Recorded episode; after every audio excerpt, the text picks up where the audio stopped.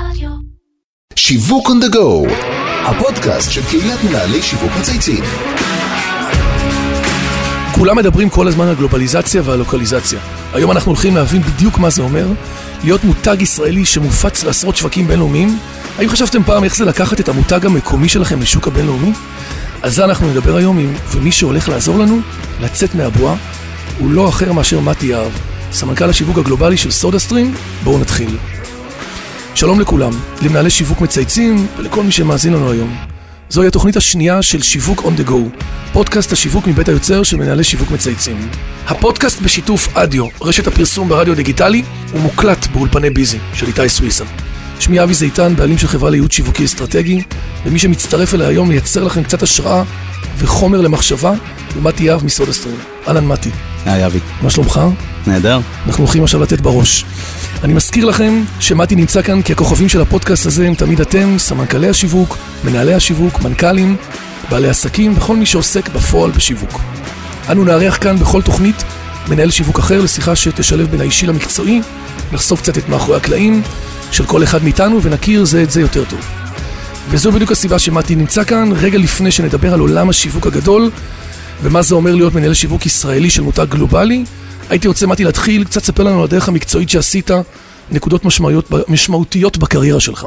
אוקיי, אז uh, אני קיבוצניק. העבודה הראשונה שלי הייתה, הייתה למעשה מנהל שיווק של המפעל בקיבוץ. אחרי זה עברתי לנהל את המותג לגו בארץ, ויותר מאוחר גם את בובות דיסני, שזה היה תענוג גדול, כי זה גם שני מותגים מדהימים, וזה גם פעם ראשונה שהיה לי ממש את ההזדמנות לראות אותם מאחורי הקלעים של מותגים בינלאומיים, חברות רב-לאומיות. לא רק כילדים, אתה אומר, שאנחנו משחקים עם זה, אתה- להבין את כל ה-making of. לגמרי. והכל גלובלי ובינלאומי, מדהים. אני התעסקתי בשוק המקומי, אבל זה חברות שאתה יודע, הן חברות שאפשר ללמוד מהן הרבה לגבי איך בונים מותג ברמה הבינלאומית. ולאחר מכן עברתי לשבע שנים מדהימות באוסם, נסטלה, שזה בית ספר לשיווק. לגמרי. כן. אחרי קפיצה קטנה בהייטק, הגעתי לסודה סטרים, חצי שנה כמנהל שיווק מוצרים, ובשנתיים וחצי האחרונות אני סמנכ"ל שיווק גלובלי, וזה, אם דיברתי על אוסם, שזה בית ספר לשיווק, סודה סטרים, זה הייתי אומר לונה פארק לשיווק. מדהים. כמה מדינות, כמה שווקים מדובר? אנחנו פועלים ב-45 שווקים. וואו. כן, ו... אין הרבה תפקידים כאלה, אה? 45 שווקים שבסך הכל המדיניות בעיקרה מותווית מפה. כן, אני חושב שזה גם, אין הרבה תפקידים כאלו בארץ מבחינת ההיקף, אבל גם מבחינת התוכן והעניין, ואני מרגיש באמת בר מזל, גם שאני בחברה הזאת, אבל גם בתפקיד, אז זה כיף גדול. מדהים. אז באמת, מתי, זה לא פשוט להיות מנהל שיווק של מותג ישראלי בעולם, נכון? יש לכם סך הכל המון מותגים, ש... אתגרים של מותגים בינלאומיים אחרים אפילו לא חושבים עליהם. כן, בהחלט. אז תראה, רוב הזמן אנחנו מתעסקים בדברים שמותגים אחרים מתעסקים, ואיך לבנות מותג חזק וצומח לאורך זמן, אבל אין ספק שזה שאנחנו מישראל, זה מהווה אתגר, אבל גם הזדמנות, ואין לדעתי חברות אחרות בארץ ש... ככה בעין הציבורית, אתה יודע, אנחנו ב-90 אלף נקודות מכירה ומעוררים הרבה עניין מן הסתם כסודה סטרים עם ההיסטוריה שלנו, אבל אנחנו ממש לא מתביישים. מאיפה שאנחנו מגיעים, זה מתחיל מדניאל בירנבאום, המנכ"ל, ו... איש עם חזון? איש עם חזון, מעורר השראה, ובאמת הולך עם האמת הפנימית שלו, וכמו שאתה בטח יודע, אנחנו מדביקים על כל אחד מחמישים מיליון המוצרים שאנחנו מייצאים בשנה, דגל כחול לבן, שזה זה מבחינתי גאווה גדולה. יוצא דופן לגמרי במותגים אה, יודע, גלובליים. לגמרי, ואתה רוצה לשמוע סקופ? כן. לפני שבועיים קיבלנו, דניאל קיבל טלפון מהריטיילר הכי גדול שלנו בסקנדינביה, שאומר שהוא הוא מבקש להוריד, את, להסיר את המדבקות של הכחול לבן. אז דניאל, כמו דניאל, הזמין אותו למפעל, לאיש של שלום שלנו, יש לנו 1,600 עובדים, פלסטינאים, אה, צברים, אה, קהילה בדואית מאוד בקיצור, גדולה. רתם אותו פנימה אליכם למותג ולכל העשייה. והוא נהיה שגריר ענק שלנו, הוא יצא לפני שבוע מהביקור הזה כשיש מדבקה של דגל כחול לבן על הפלאפון שלו. שלו. כן, אז באמת יש לנו, אני חושב, סיפור מאוד ייחודי ואנחנו לא מתביישים בו, אנחנו מאוד גאים. אז באמת מה שאתה אומר, מתי, שבעצם יש קשר הדוק מאוד בין הפעילות החברתית והאחריות התאגידית של החברה לבין הפעילות השיווקית שלה. גם בסיפור של הלוקל פטריוטיזם, אבל גם בכלל. דיברנו על מהלכים ש... למשל היה לכם מהלך שהעסקתם עובדים פלסטינאים, וכל המהלך שקשור באמת לאיכות הסביבה והמלחמה של סודה סטרים בבקבוקי פלסטיק. אתה חושב שזה משהו שמאפיין מותגים בינלאומיים? זאת אסטרטגיה שגם מותגים ישראלים צריכים לאמץ אותה? מה בעצם היתרונות שלה? אני חושב שאצלנו זה לא אסטרטגיה, זה חלק אינטגרלי מהמהות של המותג, מהמהות של המוצר. אני, מה שגורם לי לקום בבוקר עם חיוך כל יום אמיתי, כי אנחנו, וזה לא כקלישאה, כי, כי אנחנו באמת הופכים את העולם הזה למקום קצת יותר טוב, אה, קצת יותר ירוק. אנחנו חוסכים לעולם מיליארדי בקבוקים, אה, בקבוקי פלסטיק מזהמים בשנה, וזה חלק אינטגרלי בכל מה שאנחנו עושים. אז אני חושב שבסופו של דבר, כמו שגדולים וחכמים ממני אמרו, כל מנהל שיווק היום, המנכ"ל צריך לשאול את עצמו קודם כל why, כאילו למה הוא עושה את מה שהוא עושה, למה החברה עושה את מה... לא רק המטרה העסקית, אתה אומר, גם איך אני בעצם תורם, כן. ומה עומד מאחורי זה, איזשהו... לגמרי, ואם זה חלק value. אינטגרלי מהפעילות שלך ומהעשייה שלך, אני חושב שבסופו של דבר הקהל מתחבר לזה. יש לנו פינה בתוכנית שנקראת מנהרת הזמן, שבה אנו מדברים על מהלך שהושק בעבר, ובוחנים ביחד מה הוא עשה. אני רוצה להתייחס למתיחה שעשיתם ב-1 באפריל. זו כבר פעם שנייה שאתם עושים משהו שהוא אקסטרה אורדינרי. פעם אחרונה זה היה עם פריס הילטון. אתם בטח כולכם זוכרים, מננו סודה. בוא נספר רגע למאזינים מה היה שם, והייתי שמח לחשוב איתך ביחד עד כמה בראייה שלך לאחור זה הגימיק, או משהו שמוביל גם לתוצאות של אה, עסקיות, מכירות. במיוחד כשהיום אנחנו נורא בוחנים את זה בתוך מסגרת של, אתה יודע, מהלכים כוללים של תקשורת של מותג. תספר טיפה. אין לך מוזיקה של מנהרת הזמן? אה, אתה זוכר את זה? אמ, תשמע, אחד באפריל... טוני ודאג, איך קוראים להם? כן, לגמרי, לפינה הבאה שלך.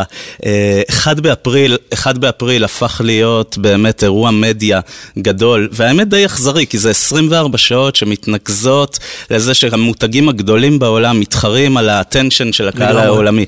מי מביא יציאה קריאטיבית שתהיה ויראלית, ולשמחתי הרבה, קצת בחוצפה, הצלחנו במשך שנתיים להגיע לטופ 5, לחמשת המהלכים הכי... אה, גדולים ומשמעותיים בשנתיים האחרונות. לפני זה, אם אתה זוכר, היה את heavy bubbles. לגמרי. ו... שבעצם רק שנסביר לציבור, לצ... למי ששומע אותנו, מדובר בעצם בסרטון שבו סיפרתם לכולם, ופריס הילטון נותנת את הפרזנטורית, שנוצר עכשיו ננו סודה, שזה איזושהי קפסולה, נכון? תמצית של משהו שבעצם אתה שם אותו, ובזכות זה בעצם לא צריך יותר להחזיק את הסודה. לגמרי, ועוד פעם, המהלך הזה, כמו גם המהלך בשנה הקודמת, המטרה שלו הייתה להגחיך ולהציג את האבסורד בסחיבת בקבוקי פלסטיק אה, כבדים. ומזהמים. שזה גם עשיתם עם, עם תואר במשחקי הכס, נכון? ב-heavy water, כמו שאמרת. נכון, ואני חושב... הווירטלים. אם שאלת האם זה היה מוצלח, אז אני חושב שזה היה מאוד, סופר מוצלח, הרבה מעבר לתחזיות שלנו. אתה יודע, בסופו של דבר, להגיע לרמה ש-50 מיליון איש בעולם צופים בדבר הזה בלי שאנחנו משקיעים דולר מדיה ושזה מופיע במאות אתרים המובילים בעולם, אז זה כיף גדול. עכשיו, אם אני מסתכל בראייה קצת, אתה יודע, לוקח צעד אחורה, טיפה יותר רחבה, אז השאיפה שלנו זה לייצר לא רק פיסות תוכן כאלו שהם uh, תלוי זמן, שהם תלויות זמן, כמו אחד באפריל, אלא דברים שיכולים לחיות לאורך זמן. shame or glory זו דוגמה די טובה, uh, מי שלא ראה מתבקש ללכת לראות עכשיו. חייב, עכשיו אנחנו נוסיף את זה גם, אנחנו נוסיף את זה גם לפוסט, את הסרטונים עם הכישורים. אוקיי, okay. אז uh, שמעבר לזה שזה קיבל 100 מיליון צפיות, כל חודש, באופן אורגני לחלוטין, ממשיך לקבל אלפי שיתופים. למה? כי זה לא תלוי זמן ספציפי. יש פיסת תוכן מאוד מאוד טובה, מבדרת לדעתי. שחיה ברשת, אנשים אוהבים אותה, היא גם entertainment, היא גם engagement והיא גם מעבירה את המסר השיווקי בצורה באמת שהמותג, זה ה mission, אתה אומר. בדיוק, אז לגבי 1 באפריל, תשמע, זה כיף, הייתי עושה את זה עוד פעם, אבל לאורך זמן אנחנו מנסים לייצר פיסות תוכן אה, שיחיו, אתה יודע, ברשת. אז כרגיל, אם אנחנו כבר מדברים על מותגים, יש לנו כאן שאלה שאנחנו הולכים להפנות לכל מנהל שיווק שמגיע לכאן. אם אתה, מתי יהב, היית מותג מסחרי מוכר, איזה מותג היית בוחר להיות? אצלי זה די קל. אני חושב שאני ילד בנשמה, והייתי בוחר את לגו, אתה יודע, שהתחלתי לעבוד כמנהל מותג. איזה צמרמורת. כן, ש... לא, כי יש משהו בלגו נורא... אני אספר לך סיפור. כשהתחלתי לעבוד כמנהל מותג של לגו, אבא שלי ירד, עשה לי הפתעה, ירד למחסן, הוציא לגו מהתקופה שאני הייתי ילד, ובנה לי בית מלגו. ויש איזשהו משהו גם באיכות של המוצר עצמו, גם בזה שזה על זמני, אבל מצד שני זה מותג שכל הזמן ממציא את עצמו מחדש. ומשאיר אותנו ילדים. לגמרי. שזה משהו שאנחנו כולנו אוהבים. מדהים.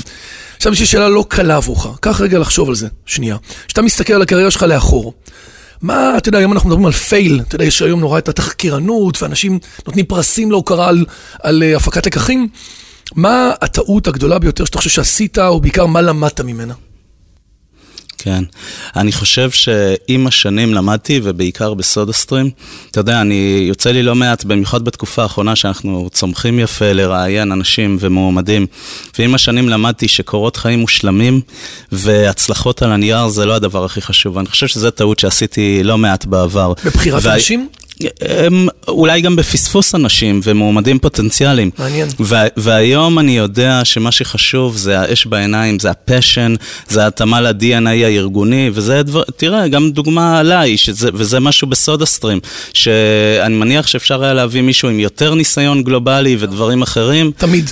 תמיד זה, תמיד זה נכון. תמיד זה נכון, אבל אני חושב, אם אני מסתכל לאחור, אה, אם, אה, אתה יודע, אני מסתכל מול המראה, אני חושב שזו טעות שעשיתי אה, בעבר, וזה דורש איזושהי בשלות ניהולית לקבל החלטות שהן לא נראות פרפקט על הנייר מבחינת המועמדים, אלא מישהו עם הפרסונליטי הנכון ומתאים ביותר לתפקיד. יותר EQ, אתה אומר, אינטליגנציה רגשית, יותר באמת מישהו שסוחף, מישהו שיודע להשפיע. כן, ואצלנו, עוד פעם, צריך להתאים ל-DNA הארגוני, אצלנו צריך שיגעון מסוים. דרך אגב, אם ננצל את זה, אז אני אגיד שאצלנו יש עכשיו כמה משרות מאוד טובות לדעתי שפנויות, ואם יש מישהו שהוא מספיק משוגע אז אתם מחכים לו. וכישרוני, אז אנחנו מחכים אז לו. לגמרי, בוא, בוא נקרא פה מעל, אנחנו חלק מהקהילה, זה באמת ל- גם למצוא עבודה. אז אם יש באמת משרות רלוונטיות דרך אמיר שניידר, תעלו בקבוצה, ואמיר כבר יעביר את זה הלאה. הפינה האחרונה שלנו בתוכנית נקראת חבילה הגיעה. בפינה הזו אתה עונה על שאלה שקיבלת מהמרואיין בפודקאסט הקודם, ושואל בעצמך את המרואיין הבא. אז השאלה שהתבקשנו לשאול אותך זה לאן היית לוקח את סודה סטרים מבחינת מתיחת מותג ופיתוח עסקי, כל הנושא של ביזדב, לאיזה תחום אתה חושב שהחברה צריכה להיכנס בעתיד? כן. אז יש כמה תחומים, אבל אני אגיד לך, קודם כל, תחום של המים המוגזים זה שוק של עשרות מיליארדי דולרים. אנחנו עדיין, באמת אני מאמין את זה, אנחנו רק בתחילת הדרך. אז אנחנו מבחינת ביזדב צריכים להיכנס לרוחב ולעומק. מה זה אומר? לעומק זה בשווקים קיימים להיכנס, להגיע לשיעורי חדירה הרבה יותר גבוהים. ניקח לדוגמה את גרמניה, שוק הכי גדול שלנו, אנחנו צומחים שם 23 רבעונים רצוף בדאבל דיג'ט, אבל אנחנו רק 6% מ- חוק ממשקי הבית. הקטנים. 6% ממשקי הבית. אין שום סיבה שלא נהיה 20% ולשם אנחנו שואפים. אז זה פעם אחת לעומק. מבחינת הרוחב זה שווקים חדשים. לפני חודש נכנסנו לארגנטינה, שוק ענק ברמה הפוטנציאלית. אז קודם כל אנחנו צריכים להעמיק עומק ורוחב, אתה אומר, גם לג- להיכנס בשווקים קיימים? לגמרי, וזה זה שוק אינסופי וגדול, ואנחנו בתחילת הדרך. לדעתי. יש לנו כאן שאלת גולשים אחת שהגיעה מהילה שאול, ששואלת את מתי, איזו היערכות שיווקית נדרשת מצדכם כנגד החרם על תוצרת ישראלית במדינות מסוימות? אני חושב ש...